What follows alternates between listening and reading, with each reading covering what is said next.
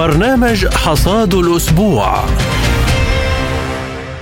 أهلا بكم مستمعينا الكرام في حلقة جديدة ولقاء أسبوعي يتجدد مع حضراتكم في برنامج حصاد الأسبوع. على مدار الساعة سنكون معكم أنا نغم كباس وأنا محمد جمعة في حلقة اليوم مجلس الأمن الدولي يرفض فتح تحقيق بأنشطة أوكرانيا البيولوجية. القمة العربية تؤكد على ضرورة العمل المشترك وحقوق الشعب الفلسطيني. نتنياهو ينجح في استعادة سدة رئاسة الحكومة وتخوف عربي من هذه الخطوة.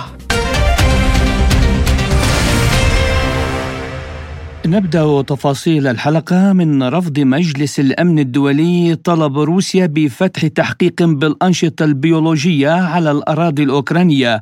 حيث عارض تبني مشروع قرار روسي بشأن إنشاء لجنة للتحقيق في الأنشطة العسكرية البيولوجية في أوكرانيا. ولم تحصل الوثيقة الروسية على الأصوات التسع المطلوبة من اصل 15 إذ صوتت روسيا والصين لصالح القرار بينما صوتت الولايات المتحدة وبريطانيا وفرنسا ضده في حين امتنعت بقية الدول عن التصويت.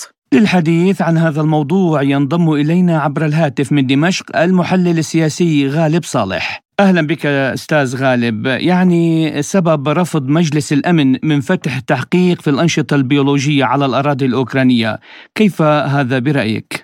تحياتي لك ولكل السادة المستمعين في كل مكان. من الطبيعي أن يرفض مجلس الأمن الطلب الروسي أو الشكوى الروسية حول قيام الحكومة الأوكرانية والنازيون الجدد بتطوير الأسلحة البيولوجية على الأراضي الأوكرانية لا بل في المنطقة المجاورة للحدود الروسية. لسبب رئيسي أن الولايات المتحدة الأمريكية كانت ومنذ زمن بعيد تقوم بأيضا تطوير هذه الأنشطة المحرمة دوليا الأسلحة البيولوجية والجرثومية والكيماوية أيضا. لتكون مراكز اختبار وبالتالي تهدد آه، الأمن القومي آه، الروسي. وما رأيناه من آه، وباء كورونا هو جزء من السلوك الأمريكي ومن أيضا مراكز الأبحاث الأمريكية التي أرادت أن تفشي الأوبئة في الدول بشكل عام كما نعلم جميعا. وهذا يؤكد مرة أخرى أن روسيا الاتحادية كانت على حق في قيامها بالعمل على الإجهاض. كل المحاولات الأمريكية قبل آه، أن تفاجأ في آه، ارتكاب المحرمات الدولية على الأراضي آه، الروسية أي الولايات المتحدة الأمريكية وقامت بهذه الحرب الخاطفة والخاصة في الساحة الأوكرانية. مرة أخرى تثبت الأحداث أن الولايات المتحدة الأمريكية لا يمكنها أن تراجع عن سلوكها المدمر للعالم وللإنسانية وللحضارات من خلال دعم كل الأنظمة المناوئة لروسيا وللصين ولكل الدول الرافضة للهيمنة الأمريكية على العالم. وكما تعلمين أن مجلس الأمن الدولي ومنظماته لا زال الصوت الأعلى للولايات المتحدة الأمريكية والدول الغربية وبالتالي تستخدم المنظمات الدولية لتمرير سياساتها. لذلك وقوف أمريكا ضد آه، نجاح مشروع أو الطلب الروسي بالتحقيق وإرسال لجنة للتحقيق في موضوع تطوير الأسلحة البيولوجية والجرثومية على الأراضي الأوكرانية هو يؤكد مرة أخرى على أن أمريكا والغرب يقفون خلف النظام في آه، كييف لتطوير هذا السلاح المحرم دوليا. وبالتالي يشكل فضيحة كبرى للولايات المتحدة الأمريكية.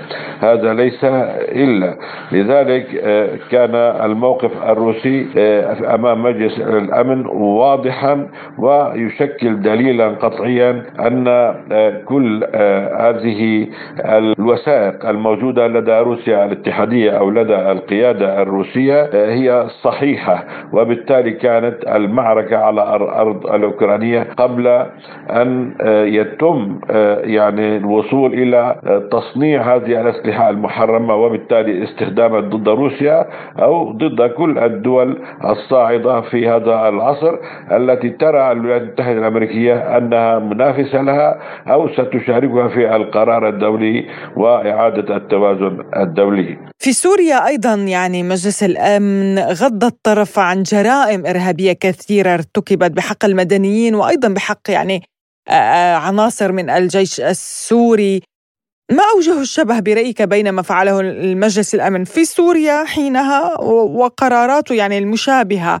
لما يحدث اليوم بخصوص أوكرانيا؟ الحقيقة التشابه كبير بين ما حصل على الساحة السورية وما يحدث على الساحة الأوكرانية من جهة الموقف الأمريكي وازدواجية المعايير في المواقف الأمريكية تجاه القضايا الدولية والقضايا الإنسانية بشكل عام، فموقف الإدارة الأمريكية من رفض تولي مجلس الأمن التحقيق في في موضوع امتلاك الحكومة الأوكرانية والنازيين الجدد لأدوات صناعة القنبلة القذرة والسلاح الكيماوي وتطوير السلاح البيولوجي يذكرنا بما موقف الولايات المتحدة الأمريكية بما حدث على الساحة السورية عندما طلبت سوريا وطلبت روسيا أيضا أن لجنة تحقيق دولية محايدة للتحقيق في الادعاءات الادعاءات الأمريكية أن الجيش السوري وسوريا والحكومة السورية استخدمت السلاح الكيماوي آه، ضد المجموعات في المناطق الخارجة عن سيطرة الدولة السورية وبالتالي استخدام السلاح الكيماوي لأن سوريا طلبت مرارا وتكرارا بتشكيل لجنة محايدة. وعندما علمت الولايات المتحدة الأمريكية عدم قدرتها لتشكيل لجنة تنفذ سياساتها وتدين الحكومة السورية لجأت إلى رفض وتمييع طلب الحكومة السورية آنذاك بالتحقيق بما حدث على الساحة السورية في أكثر من منطقة في الغوطة الشرقية وفي محافظة إدلب وفي ريف حلب أيضا في خان العسل لذلك هي هي الولايات المتحدة الأمريكية تحاول أن تشوه صورة الدول وتستثمر على هذا الأساس لخلق تطويق لأي نظام يعادي الولايات المتحدة الأمريكية ويحارب سياساتها وأيضا لتشكيل رأي عام دولي ضد روسيا وضد سوريا وضد الصين وضد كل دولة وضد إيران أيضا لاتهامهم باستخدام أسلحة محرمة دولية أو إبادات جماعية وهي من يفتعل هذه الأحداث وهي من يدعم وجود هذه المراكز البحثية للأغراض غير الإنسانية لتطوير الأوبئة وأيضا نشر الأمراض والفتك بالمجتمعات وبذلك تستطيع الولايات المتحدة الأمريكية أن تهيمن العالم من خلال سياسة التضليل وتمرير المشاريع لتبرير حروبها على العالم. لذلك هي رفضت الطلب الروسي بضرورة تحقيق مجلس الأمن تشكيل لجنة مجلس الأمن للتحقيق في الوثائق والأدلة التي تمتلكها روسيا الاتحادية فيما يخص تطوير هذا السلاح على الأراضي الأوكرانية لأنها بالتالي لديها أدلة دامغة لدى روسيا أدلة دامغة بتورط واشنطن وتورط الغرب مع الحكومة الأوكرانية بتطوير هذه المراكز البحثية. لذلك كان هذا هو سبب الرفض. فبالتالي نحن علينا دائما أن نعي الأهداف والمخططات الغربية وسياساتها تجاه الشعوب وتجاه الدول وخاصة الدول الصاعدة على الساحة آه، آه، الدولية. أستاذ غالب اليوم لافروف في الأردن. من هناك يؤكد أن الولايات المتحدة تحاول إفشال لجنة العمل المشتركة مع بلدان الشرق الأوسط. برأيك هل تنجح واشنطن أم أن الدول العربية أصبحت تعي تماما هذه اللعبة الدولية؟ وربما تختار الصداقة مع روسيا على العداء معها. طبعا تصريحات لافروف حول محاولات الولايات المتحدة الأمريكية إفشال لجنة العمل المشتركة مع بلدان الشرق الأوسط هي في مكانها لأن الولايات المتحدة الأمريكية تحاول أن آه، تبقى سيطرتها على آه، بلدان الشرق الأوسط وخاصة الخليجية منها لتستثمر عامل النفط والغاز في الخليج لتأمين إمدادات وعبور إمدادات النفط إلى آه، أوروبا وبالتالي للتعويض عن النقص الحاصل للدول الأوروبية من خلال قطع الغاز والنفط الروسي عن الدول عن أوروبا. هذا أولا. وثانيا الولايات المتحدة الأمريكية تحاول أن تبقى المنطقة العربية تحت النفوذ والسيطرة الأمريكية في المرحلة القادمة لأنها تعلم حجم وزن العرب من الناحية الاقتصادية وخاصة النفط والغاز. كشريان أساسي للاقتصاد العالمي وكذلك الموقع الجيوسياسي للمنطقة العربية وسط العالم. هذه النقطة هاتين النقطتين هامتين بالنسبة للولايات المتحدة الأمريكية. لذلك تسعى لإفشال أي تطوير للعلاقات الروسية العربية وإفشال بالتالي لجنة العمل المشتركة بين روسيا الاتحادية وبين بلدان الشرق الأوسط. طبعا أمريكا لا شك أنها قوية ونافذة في هذه المنطقة ولا شك لها تأثير بالغ وكبير على دول المنطقة خاصة المنطقة الخليجية أو الدول الخليج العربي وكذلك وجود الكيان الإسرائيلي في هذه المنطقة الرافع الأول لأمريكا أو الداعم الأول لأمريكا في سياساتها في هذه المنطقة. وبالتالي المحاولات ستبقى لإفشال أي دور لروسيا في هذه المنطقة، لكن بحكم الوجود الروسي في سوريا وعلى آه، المتوسط من خلال القاعدة البحرية الروسية القديمة على الشواطئ السورية، وبحكم العلاقات الإيجابية بين روسيا وعدد كبير من الدول العربية وتطوير المصالح الاقتصادية، لن تستطيع آه، أمريكا بعد الآن آه، أن تستفرد بالعالم العربي. ووعى العرب أيضا لأن العالم يتغير وبدأت روسيا وكذلك الصين بخلق نوع من التوازن الدولي لإعادة الاستقرار للعالم. بعد أن هدمت العالم الولايات المتحدة الأمريكية من سياساتها الغزوات ومن سياسات الحروب والضغط والعقوبات والحصار وما شابه ذلك. فالعرب يدركون جيدا أن العالم بدأ في التغير وبدأت التعددية القطبية تتشكل وبالتالي يتابعون هذا الوضع عن كسب وبالتالي أعتقد أن العلاقات الروسية العربية ستبقى جيدة ولا بل ستتطور في المرحلة القادمة. ولا شك أن النفوذ الأمريكي سيفقد الكثير من مواقع في هذا العالم وسيبدأ نجمها بالأفول. وإن كانت ستسعى بكل الوسائل الضغط والحراء الحروب والصراعات وأحداث الفوضى في كل مكان لإبقاء هيمنتها. الرئيس بوتين يعني خاطب القادة العرب اللي كانوا مجتمعين بالجزائر قمة الجزائر قال بالرسالة بأنه الدول العربية هي شريكة لروسيا حاليا وفي النظام العالمي الجديد الذي بدأ يتشكل هل سنشهد برأيك تحالفات جديدة بين روسيا والدول العربية؟ الحقيقة الرسالة التي وجهها الرئيس فلاديمير بوتين إلى القادة العرب المجتمعين في آه، الجزائر رسالة كانت كلمة هامة ورسالة هامة ولها آه، أيضا أبعاد سياسية آه، كثيرة في وتم التركيز فيها لأن العالم اليوم غير عالم الأمس وأن للعرب دور كبير كبير في عالم المستقبل وأنهم آه، يستطيعون أن يشكلوا كتلة وازنة وأن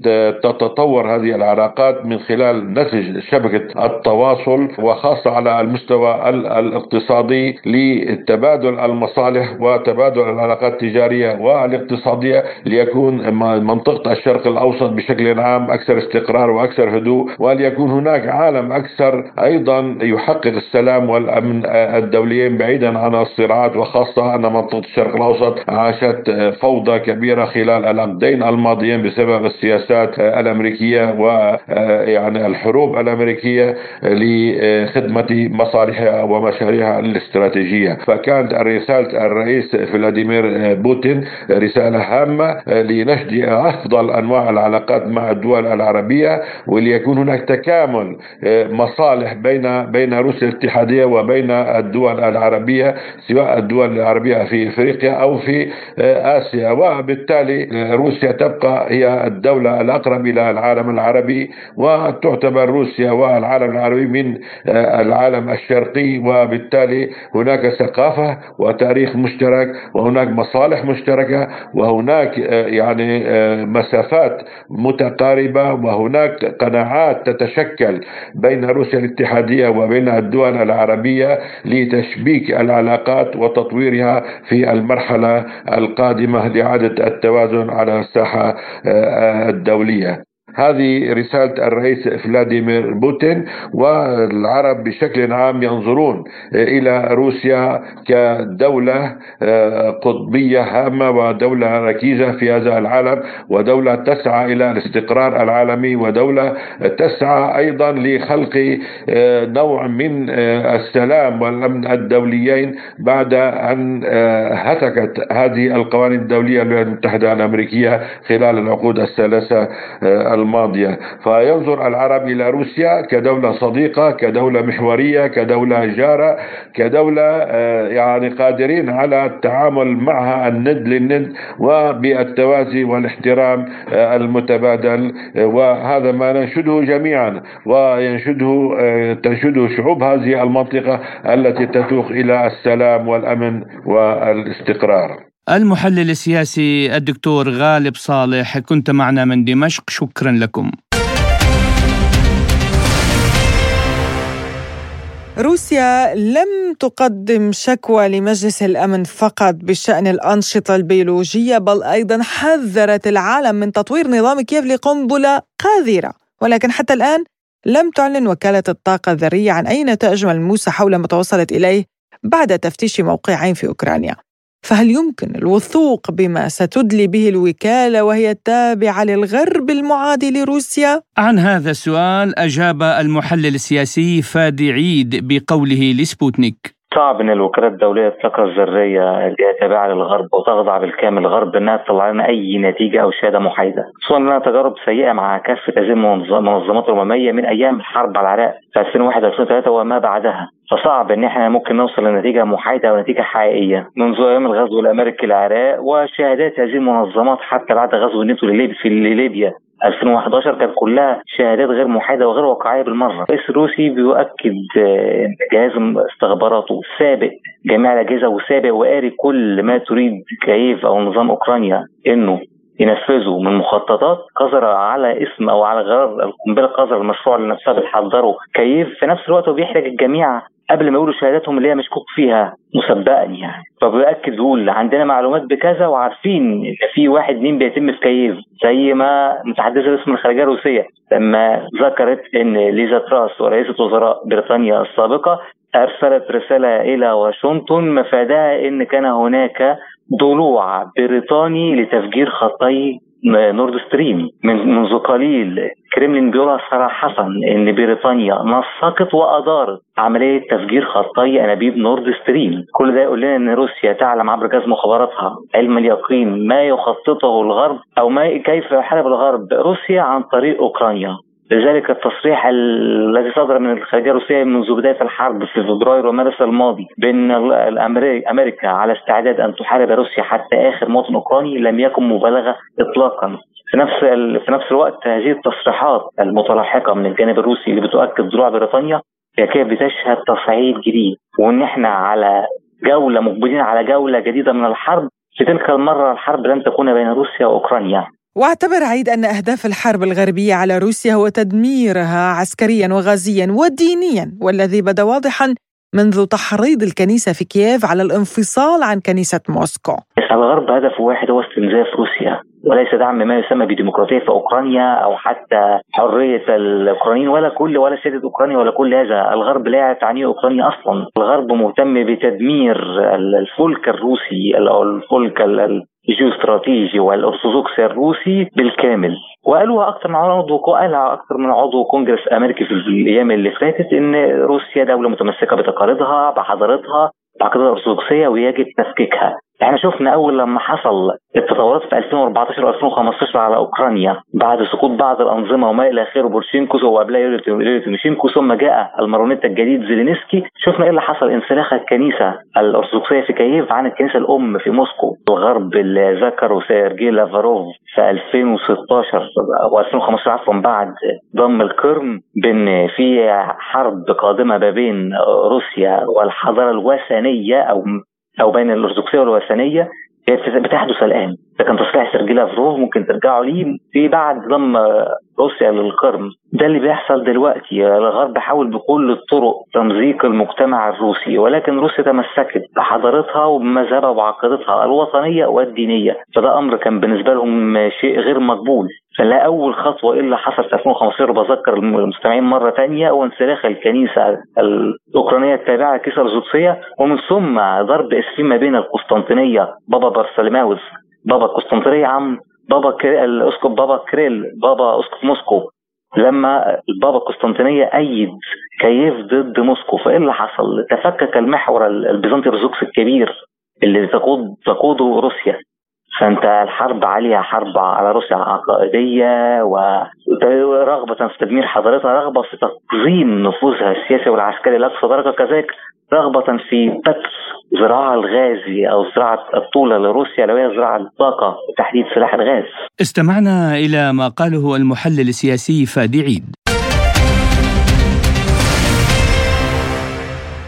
وفي الجزائر انتهت القمة العربية ببيان ختامي ركز على أهمية العمل المشترك لمواجهة التحديات وأيضا ضرورة إعادة الحقوق المسلوبة للشعب الفلسطيني. التفاصيل مع موفد سبوتنيك إلى القمة محمد حميدة. تحياتي زميلتي نغم إليك وإلى السادة المستمعين. يعني كما تابعنا في اليوم الختامي للقمة العربية على مدار اليوم جرت اجتماعات بعضها مغلقة وبعضها معلنة أو علنية لوسائل الإعلام. كما جرت لقاءات ثنائية أيضا قبل لقاء الزعماء والقادة في العاصمة الجزائر. تضمن البيان الختامي للجلسة العديد من الملفات والقضايا وأكد أيضا على موقف الدول العربية وعدم الانحياز في ظل التوترات والتجاذبات الإقليمية اتصالا بالعملية الروسية الخاصة في أوكرانيا. أكد البيان الختامي أيضا على الجوانب الاقتصادية ودعم القضية الفلسطينية وحل الدولتين وتأكيدا على هذا الإطار أيضا طالب القادة الزعماء بضرورة حصول فلسطين على عضويتها الكاملة في الأمم المتحدة. أكد أيضا على دعم موقف مؤسسة أوبك في القرارات التي اتخذتها أخيرا خاصة أن هناك كان هجوم غربي على المنظمة إذا المواقف التي اتخذتها بخفض الإنتاج. أيضا أكد على ضرورة دعم الدول العربية ودعم الاستقرار. أكد على ضرورة حل الأزمة السورية ودعم وحدة الأراضي السورية ورفض التدخل الخارجي في كل الملفات العربية. وأكد أيضا على الجانب الليبي ودعم حل ليبي ليبي والوصول إلى إجراء الانتخابات الرئاسية والبرلمانية. كما أكد أيضا القادة خلال اجتماعهم في الجزائر على ضرورة دعم كافة الملفات العربية. يعني على سبيل المثال منها قضايا الأمن المائي في كافة الدول العربية واتصالا بأزمة سد النهضة. أيضا أكد على استضافة الإمارات والسعودية والعديد من الدول لملتقيات ومؤتمرات هامة خلال الفترة المقبلة. وأكد أيضا على ودعم أيضا استضافة البحرين لملتقى الحوار العالمي الشرق والغرب بزيارة بابا الفاتيكان وفضيلة الإمام الأكبر شيخ الأزهر. كل هذه الملفات الحقيقة كانت حاضرة ضمن اليوم الختامي أو ضمن البيان الختامي في الجزائر. استمعنا إلى ما قاله موفد سبوتنيك إلى القمة محمد حميدة. ولمناقشة هذا الموضوع بشكل مفصل ينضم إلينا عبر الهاتف من الجزائر المحلل السياسي الدكتور أحمد زيدان. أهلا بك دكتور في برنامج حصاد الأسبوع. أهلا وسهلا تحية طيبة. يعني هذا الاجتماع في القمة خرج بمخرجات أهمها التعاون المشترك والجماعي بين جميع الدول العربية اليوم لمواجهة التحديات إن كانت اقتصادية أو اجتماعية أو أمنية. طيب دكتور هل تعتقد بأنه بالرغم من وجود خلافات بين الدول العربية نفسها وستة قادة تغيبوا هل تتوقع أي توافق عملي بعد هذه القمة لتنفيذ مخرجاتها؟ خليني أقول آه، في البداية وانطلاقا أولا من أن إعلان الجزائر الذي تضمن مخرجات آه، أقل ما يقال عنها بأنها مخرجات آه، واقعية قابلة للتطبيق باعتبار أنها انطلقت من نقاش عميق لواقع المنطقة العربية ولواقع التحديات وكيف يمكن للمنطقة العربية أن تثبت ذاتها في خضم هذه التحولات. ومن زاوية ثانية دعيني كذلك انطلق من تصريح الأمين العام لجامعة الدول العربية الذي أكد بأن مستوى التمثيل والحضور هو آه، أفضل من العديد من القمم السابقة باعتبار من حيث العدد ومن حيث كذلك المستوى. على المستوى الثالث نحن آه، نتحدث على أن الدول العربية لأول مرة انطلقت مما يمكن أن يجمعها وليس مما يمكن أن يفرقها. بمعنى أنه كان فيها عمل وحرص على الابتعاد على النقاط الخلافية وعلى ما يمكن أن يشكل آه، آه، نقاط غير توافقية. وبدأ العمل على التركيز على المقومات. وهنا دعيني أقول بأن المرتكز الأساسي الذي تضمنه إعلان الجزائر وهو التأكيد على المنطق التعاون الاقتصادي وبناء التكامل الاقتصادي باعتباره انه العنصر الجامع لكل الدول العربية في إطار تغليب مفهوم المصلحة والابتعاد على ما يمكن تفريق هذه الدول. المستوى الآخر كذلك. علينا كذلك من خلال تقييم الواقع البيت العربي الذي يعاني الكثير من الأزمات التي طالت وتجاوزت أكثر من عقد من الزمن بخضم الاختلافات العربية في كيفية تسوية هذه الأزمات كانت التكلفة تكلفة باهظة وفي النهاية وفي المحصلة لم يستطع الدول العربية أن تتجاوز أو أن تصل إلى حلول حقيقية لهذه الأزمات. وبالتالي أصبح هنالك قناعة بأن يكون هنالك العمل المشترك في إطار آه، آه، تسوية هذه الأزمات وفي إطار كذلك تحقيق التوافقات وفي إطار كذلك العمل على ما يجمع. لذلك أعتقد بأن نحن نتحدث اليوم على وثيقة آه، استثنائية وعلى كذلك إرادة سياسية متوفرة. لدى العديد القادة الذين عبروا عليها صراحة بأن يكون هنالك حرص على العمل على مبدأ تغليب المصلحة العامة وعلى التفكير كذلك في تجاوز الخلافات والعمل على تأسيس مقومات العمل العربي المشترك. طيب دكتور أحمد يعني بما يتعلق بالقضية الفلسطينية أكد الزعماء العرب مركزية القضية الفلسطينية كما هو دائما يعني والدعم المطلق لحقوق الشعب الفلسطيني. كيف سيكون ذلك دكتور مع تطبيع عدة دول وازنة علاقاتها مع إسرائيل؟ خليني أقول آه، صحيح نحن اليوم نتحدث عن القضية الفلسطينية. ليس لكن ليس مثل ككل مرة باعتبار أنه حتى في المخرجات تجاوزنا العبارات التقليدية وحاولنا أن نبحث على آه، ميكانيزمات وأدوات جديدة. يكفي انه تم افتتاح أشغال هذا هذه القمة من خلال وثيقة المصالحة الفلسطينية من خلال العمل على توحيد البيت الفلسطيني وبالتالي توحيد البيت الفلسطيني وبعث المصالحة الفلسطينية معناه كذلك إنهاء جزء من آه، آه، الزوايا الاختلافات ما بين الدول العربية. ندرك جيدا بأن الدول العربية كانت منقسمة بين ذاك وذاك.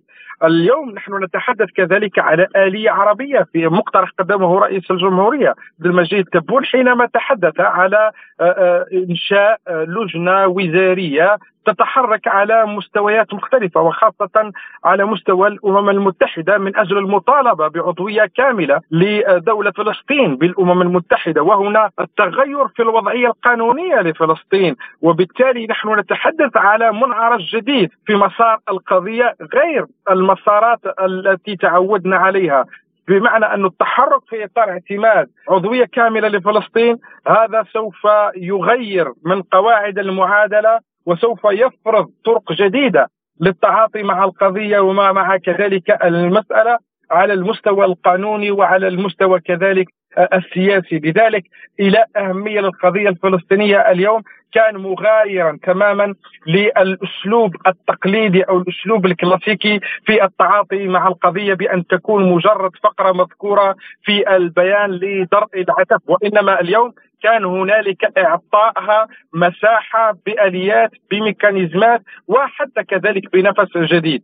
نعم دكتور يعني إذا انتقلنا قليلا إلى روسيا، البيان قال بانه الدول العربية تلتزم الحياد فيما يتعلق بالأزمة بين روسيا وأوكرانيا. ماذا يمكن أن نفهم من الحياد والرئيس بوتين أرسل رسالة إلى القمة قال فيها بأن الدول العربية هي شريكة روسيا وفي الحاضر وفي المستقبل. نعم وقلت بأنه آه، كان في ختام ختام القمة تأكيد على رسالة فلاديمير بوتين وأهمية هذه الرسالة وتأكيد كذلك على عمق الروابط التي تجمع روسيا الاتحادية بالمنطقة آه، آه، العربية. ولا ننسى بأن موقف الدول العربية في البيان الختامي على مسألة مبدأ عدم الانحياز هو بمعناه عدم الانخراط لعبة هي ليست في مصلحة الاستقرار الدولي باعتبار أنه يمكن لنا أن نجد مخارج وحلول بعيد كل البعد على التوظيفات السلبية وكذلك المناورات الهامشية. وخليني نقول هنا الدول العربية معنية بشكل كبير جدا بتفاعلات هذه الأزمة من خلال التقلبات في مجال سوق الطاقة وفي معادلة الأمن الطاقوي. ورأينا مواقف الدول العربية في هذا المجال والتي أزعجت بشكل كبير جدا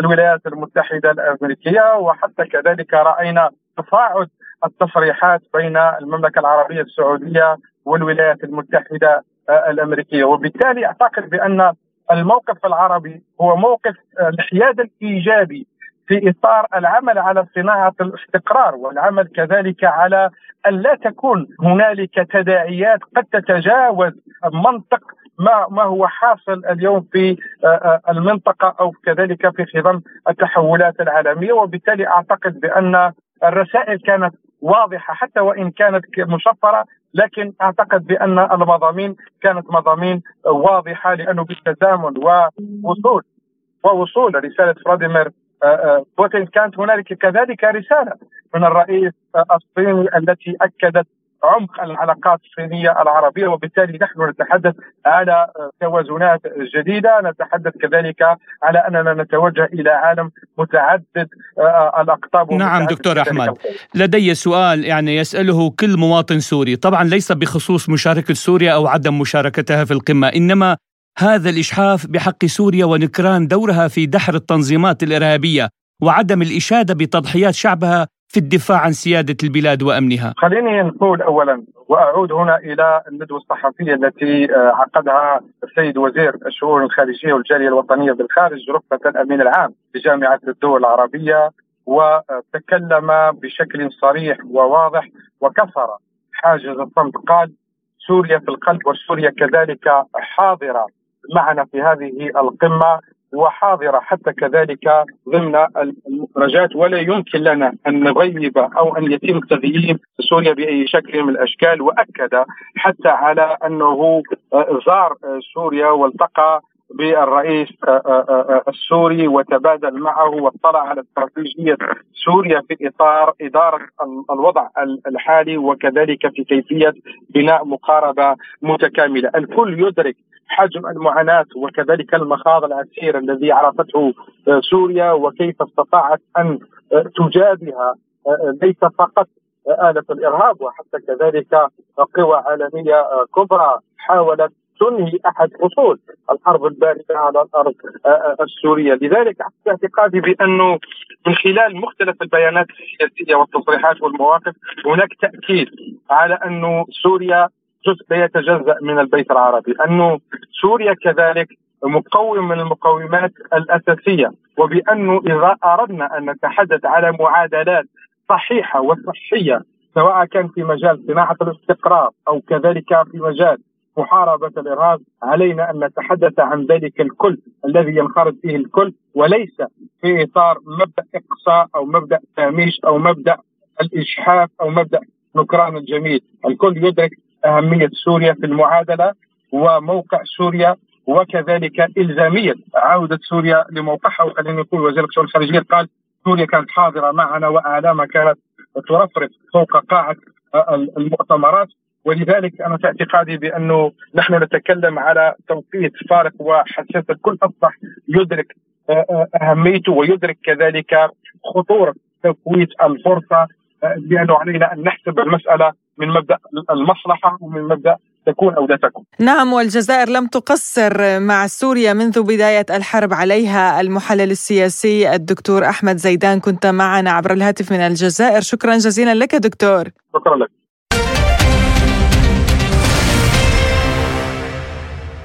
ومن الجزائر إلى الانتخابات الإسرائيلية ففي ظل انقسام قوي جدا لليسار والوسط والقوائم العربية يبدو أن بنيامين نتنياهو نجح في استعادة سده رئاسة الحكومة بعد نجاح ساحق على خصمه يائير لابيد ووسط مخاوف عربية وفلسطينية.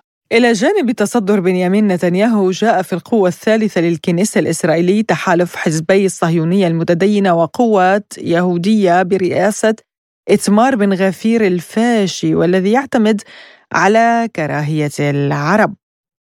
حول هذا الموضوع نستضيف من إسرائيل الخبير بالشأن الفلسطيني والإسرائيلي الدكتور حسن مرهج أهلا بك دكتور حسن في حصاد الأسبوع ودعني أبدأ من ما هي الأسباب التي أدت إلى فوز نتنياهو مرة أخرى لماذا أعاد الشارع الإسرائيلي انتخابه برأيك؟ يعني باعتقاد الأسباب التي أدت إلى فوز نتنياهو هو آه، المكونه الاجتماعيه الاسرائيليه التي توجهت إلى التطرف واليمنية أكثر وخاصة يعني ساعد ذلك أيضا الأخيرة التي قام بها الشبان الفلسطينيين من عمليات ضد الجيش أو المواطنين يعني الإسرائيليين أو المستوطنين الإسرائيليين تحديدا. كل هذه العمليات يعني حتى جعلت اليسار أن يكون يمينا وحتى اليسار متطرفا أصبح أيضا يمنيا وأيضا تفاقمت وتعاظمت اليمنية الفاشية الممثلة بإيتمار بن جبير وسموتريتش.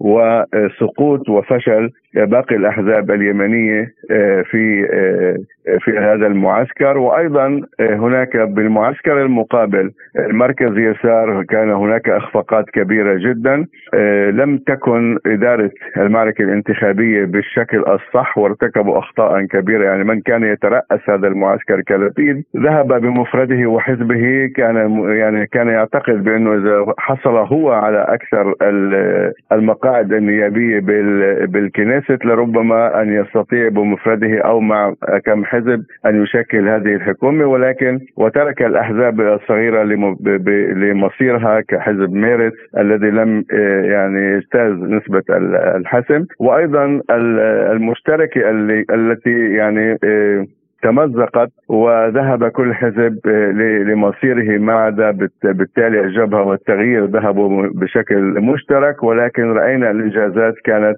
يعني على وشك أيضا أن لا يجتازوا نسبة الحسم واحدى الأحزاب العربية لم يجتاز كالتجمع وكل هذا كان له تأثير كبير.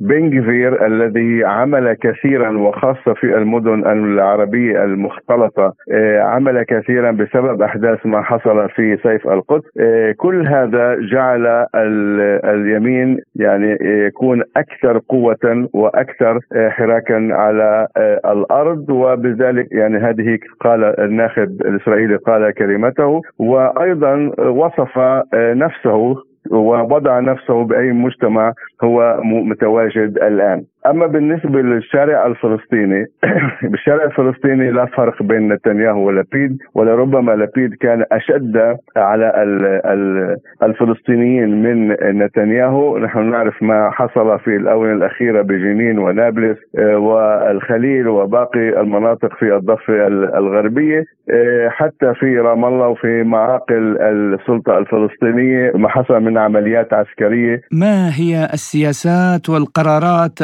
المتوقع أن يصدرها نتنياهو وتأثيرها على القضية الفلسطينية، دكتور يعني هل يوجد تخوف من اتخاذ إجراءات تصعيدية لإرضاء الناخبين المتشددين، طبعا الذين يمثلون قاعدته الشعبية؟ هذا هذا الموضوع إذا تم وحصل سوف يكون أخطر على الشارع اليهودي قبل الشارع الفلسطيني، هذا يعني بداية انتحار الدولة الإسرائيلية وهذا لن يسمح به أي أحد، بالتالي لهذه الدولة لها من يدعمها في أمريكا وفي المنظمات الصهيونية العالمية وهم من يقرروا يعني استراتيجية هذه الدولة ومن يوجد هنا هو منفذ لهذه العمليات، بالتالي إذا سمحوا إلى اليمين المتطرف أن يسن قوانين ضد ضد الفلسطينيين وضد عرب الداخل. ولا ننسى أنهم أيضا فلسطينيين. آه، وهناك 2 مليون فلسطيني اليوم نعم. آه، بداخل إسرائيل يعيشون في مدن مختلطه ورأينا الإرباكات التي حصلت في صيف القدس. نعم النتائج ربما تكون صعبة ولكن النتيجة النهائية هذا سوف آه، يعني يجعل إسرائيل في نظر العالم كله وليس في فقط في في نظر الفلسطيني أو في نظر هذا يعني بوضع حرج جدا وربما نجد تدخلات إقليمية واليوم المحور المقاومة المتواجد في في المنطقة لن يسمح لمثل هذه الأمور أن تحصل كما حصل عام 48 و67 وغيره، الأمور الان تختلف كليا عما كانت عليه آنذاك والوضع صار يعني أصعب اليوم لإسرائيل من أن تتخذ مثل هذه القرارات. ربما تكون هناك أكثر مضايقات أو أكثر تشددات بالتالي يحكم هذه الدولة قانون ومحاكم وإلا إذا تدخلوا في المحاكم وتدخلوا في تغيير القوانين وكل هذه الأمور ولكن حين ذاك الدولة سوف تدخل في فوضى لا يعرف عقبها إلا رب العالمين.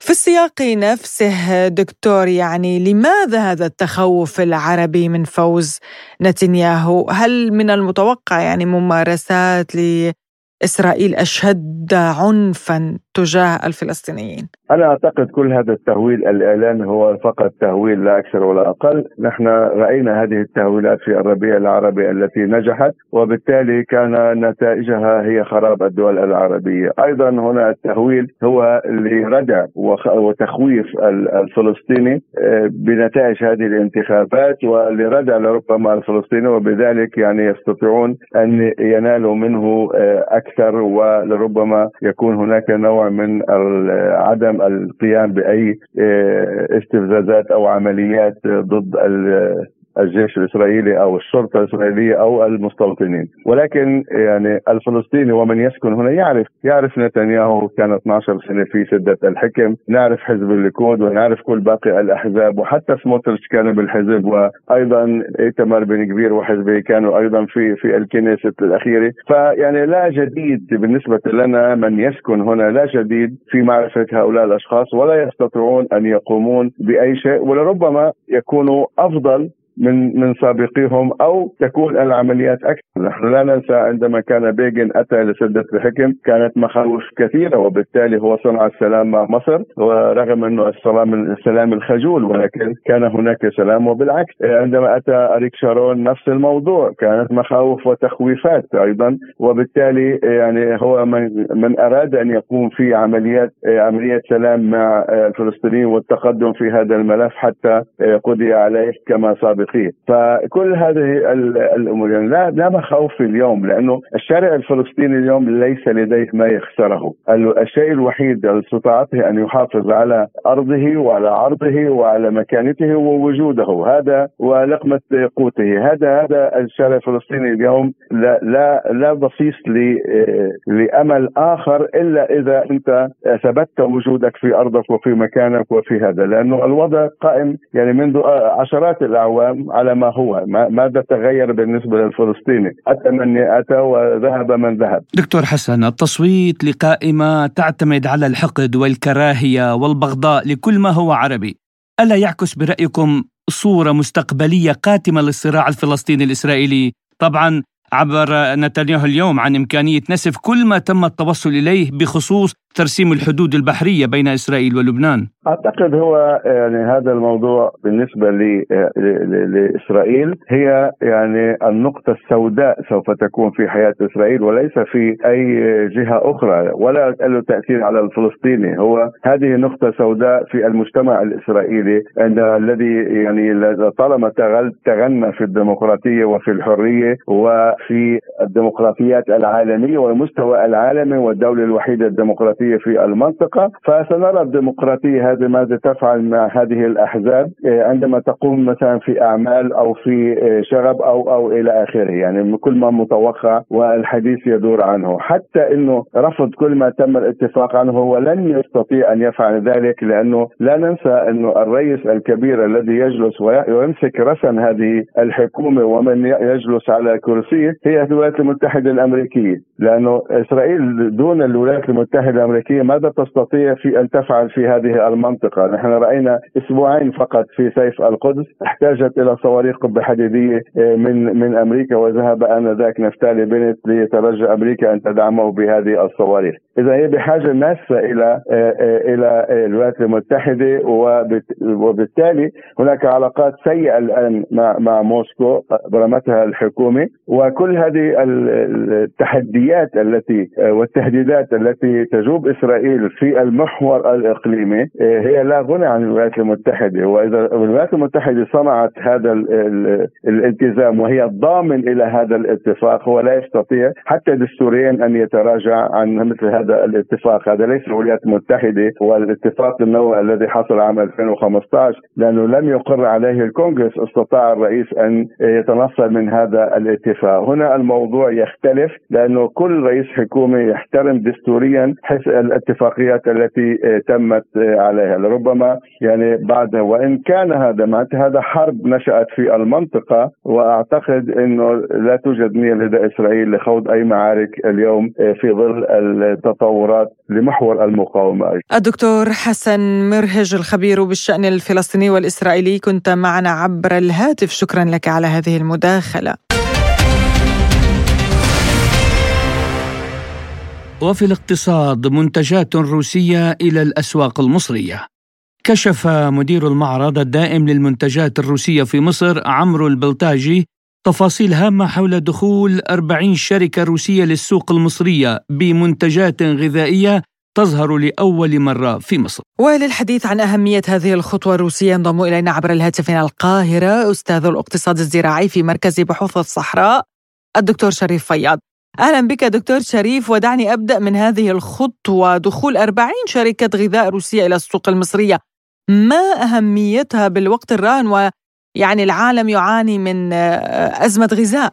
ده خطوة جميلة من وخطوة حميدة من الجانب الروسي. فطبعا ده اولا بجانب إن هو طبعا مصر اولا بترحب بهذه ان مصر رفضت العقوبات الاقتصادية الغير أخلاقية التي فرضت على الجانب الروسي من قبل الأمم المتحدة في هذه العقوبات الغير أخلاقية التي فرضت على الجانب الروسي. وبالتالي آه، دخول الروس في السوق المصري لإنتاج المنتجات الغذائيه ده بيعمل fulfilling أو بيعمل fulfill يعني بيحاول يحقق رغبة الجانب المصري لأن إحنا عندنا في مصر آه، مشكلة غذائية ولا أقول ولا أريد أن أقول أزمة جارحة ولكنها أزمة غذائية آه، من خلال الاسعار ومن خلال كميات الإنتاج. فطبعا الجانب الروسي آه، الاستثمارات الروسية في مصر ومصر في نفس الوقت بتحاول تشجع الاستثمارات الأجنبية للدخول فيها. الجانب الروسي من المستثمرين المهمين جدا وبالتالي الروس هنا بيختاروا قطاع مهم جدا للقطاعات الاقتصاد المصري وهو الإنتاج الغذاء و40 شركة روسية ليس بالعدد القليل.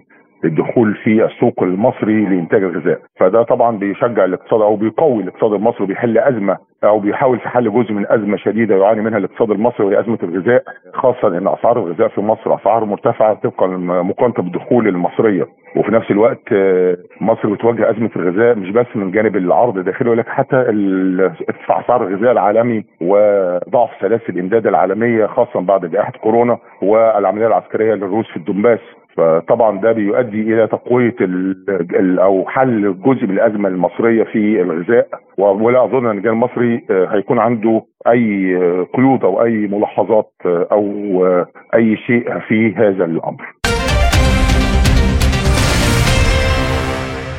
وفي الاقتصاد أيضا أبو ظبي تستضيف مؤتمرا للطاقة لمواجهة التحديات. استضافت الإمارات العربية المتحدة مؤتمر أدبيك للطاقة من أجل بحث التحديات التي تواجه الدول العربية في هذا القطاع مؤكدة أنها ستضع استراتيجية جديدة في هذا المجال.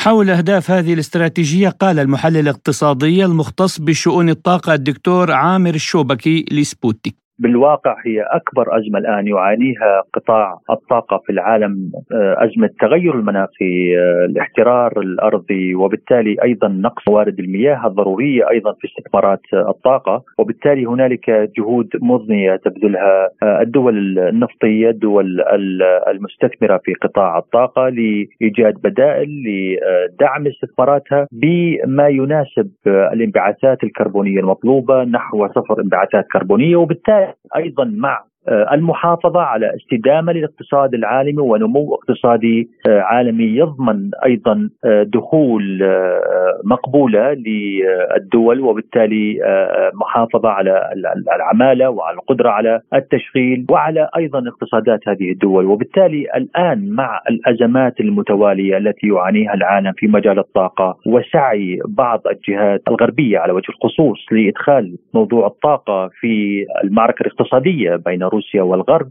آه، منها السقوف السعرية التي تنوي أيضا فرضها آه، أوروبا على أسعار الغاز والنفط. هذا أيضا آه، يؤصل لمشكلة في قطاع الطاقة قد تكون مستدامة و نعلم بأن هذا الشتاء لن يكون الأخطر على القارة الأوروبية بل أن أوروبا في الواقع دخلت في نفق مظلم طويل لن تخرج منه إلا آه، على أقرب احتمال طبعا بعد العام 26 بالنسبة للتوافرية وبعد العام ربما 30 وأبعد من ذلك بالنسبة للأسعار. آه هذا بالمقابل كانت هنالك أسعار آه متوازنة للطاقة عالميا في ظل وجود أكبر منتجين النفط والغاز من أكبر منتجين النفط والغاز في العالم وهي روسيا. وبالتالي كانت هنالك آه، الميزان معتدل بالنسبة للطلب والعرض عالميا آه، لكن مع العقوبات الغربية آه، أصلت وزادت بعض المشاكل التي كانت تعاني منها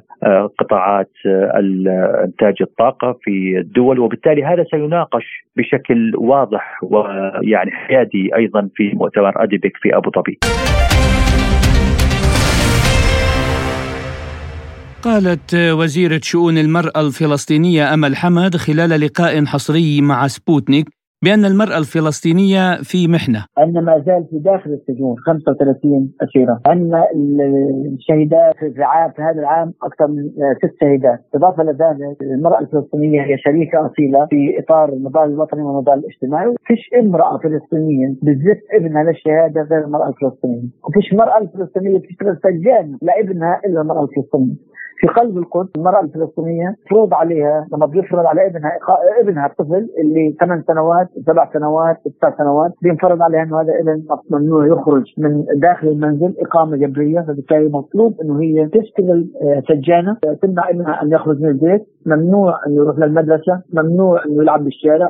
وبالتالي انعكاسات ودلالات آه، هذا الأداء وهذا الظهر بدولة الاحتلال على المرأة نفسيا كثير قاسي اجتماعيا كثير قاسي وفي المقابل حتى الطفل بيطلع طفل عنده أزمات نفسية حقيقية نتيجة لعدم قدرته على مغادرة منزله وعدم أداء دوره في آه، الوظيفي أو دوره حتى في إطار اللعب أو إنه يكون طالب داخل المدرسة، وقلب قطاع غزة إذا تحدثت بشكل واضح، فيش في العالم منازل هدمت على رؤوس ساكنيها إلا في داخل قطاع غزة، وهي منازل على النساء والأطفال والرجال هم آمنين في داخل منازلهم، هدمت المنازل على رؤوس ساكنيها، اطفالنا في المدارس بتمكنوش انه يروحوا بشكل سليم، حصار مطلق على قطاع غزة، نسبة بطالة غير مسبوقة. تجاوز 67% خريجات من الجمعيات هم بشكل 61% لكن نسبة البطالة بين خريجات الجمعيات تتجاوز 80% المرأة في محافظات شمالية وصولها إلى قطف زيتونة مهدد من قبل المستوطنين في العديد من الإصابات سواء لها أو لأبنائها. المستوطن مستهدف السيارة في الشارع مستهدف البيت والمنزل النساء والأطفال في داخل منازلهم. وبالتالي في اعتداء يوم عليها وعلى ابنها وعلى زوجها توفير حياتها اليوم. ما تعانيه المرأة الفلسطينية تجاوز أكثر من 100 عام دون مسؤولية مع دولة دون الجمعية العامة ومجلس الأمن ومؤسسات حقوق الإنسان وكل الهيئات الأممية اللي بيتم الحديث عنها أن تتحمل مسؤولياتها بشكل حقيقي وبشكل جدي مش متوفر. الأم أمنيتها الحقيقية أنها ابنها اللي بده يستشهد وعلى فراش الموت إنها تشوفه مش حتى تحضنه إنها تشوفه إنها تحكي له كلمة وداع. تتمكنش سجن الدامون. هذا السجن اللي بيوضعوا فيه الأسير الأسيرات هذا السجن تم تصميمه من قبل الانتداب البريطاني إنه يكون هو مكان عشان يحطوا فيه أوراق الدخان. أوراق الدخان يعني نسبة رطوبة عالية جدا عشان يحافظوا عليها. الآن المرأة الفلسطينية أو الأسيرة الفلسطينية موجودة داخل هذا السجن. إحنا نتوق إلى الحرية نتوق إلى الكرامة قيم العدل والحق والمساواة. اللي بيقيلوا بمكيالين لما بتحدثوا عن قضايا حقوق قضايا حقوق الإنسان لا تجزأ، قضايا الحق والعدالة لا تجزأ، فمطلوب إنه يتوفر للشعب الفلسطيني والمرأة الفلسطينية. حقها بحياة كريمة، حقها بإنه تتمتع تعيش على وطنها بحرية، حقها تحافظ على مسكنها ومنزلها، المريضة اللي بتصاب بمرض في قطاع غزة لا تتمكن إنها تغادر للمحافظات الشمالية. لأن الاحتلال ما بيعطيهاش التصريح المطلوب عشان تطلع تتعالج في المحافظات الشماليه، حق الرعاية الصحية مش بس داخل الأسد وخارج الأسد.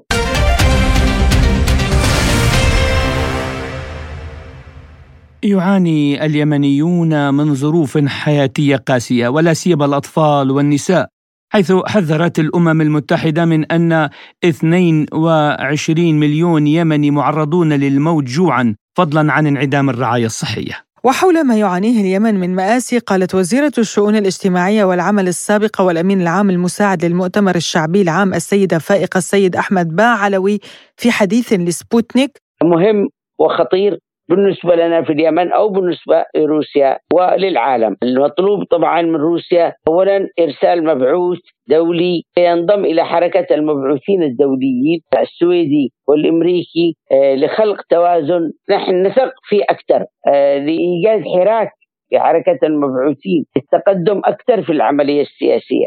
نحن نؤمل على ذلك كثيرا. نريد أن نستعيد أصدقائنا ورفاقنا وشركائنا وشركائنا الروس مكانتهم في باب المندب والبحر الأحمر وخليج عدن والتي هي منطقة كانت تحظى باهتمام القيادة السوفيتية سابقا وكثيرا آه، جدا ولهم فيها تواجد من خلال العسكريين والأطباء وكافة الكوادر الذين درسوا وتأهلوا في الجامعات والمعاهد الروسية بحيث أن أكبر قيادات الجيش آه، اليمني هي قيادات آه، نالت تحصيلها العلمي في المجال العسكري آه، في كافة المعاهد والأكاديميات الروسية زي أكاديمية الصواريخ وفرونزا. طبعا نحن نأمل أنه روسيا تساعد بمواجهة هذا المأزق هذه الأزمة هذه الجائحة الإنسانية الأخلاقية. لكن لا نضغط كثيرا على روسيا.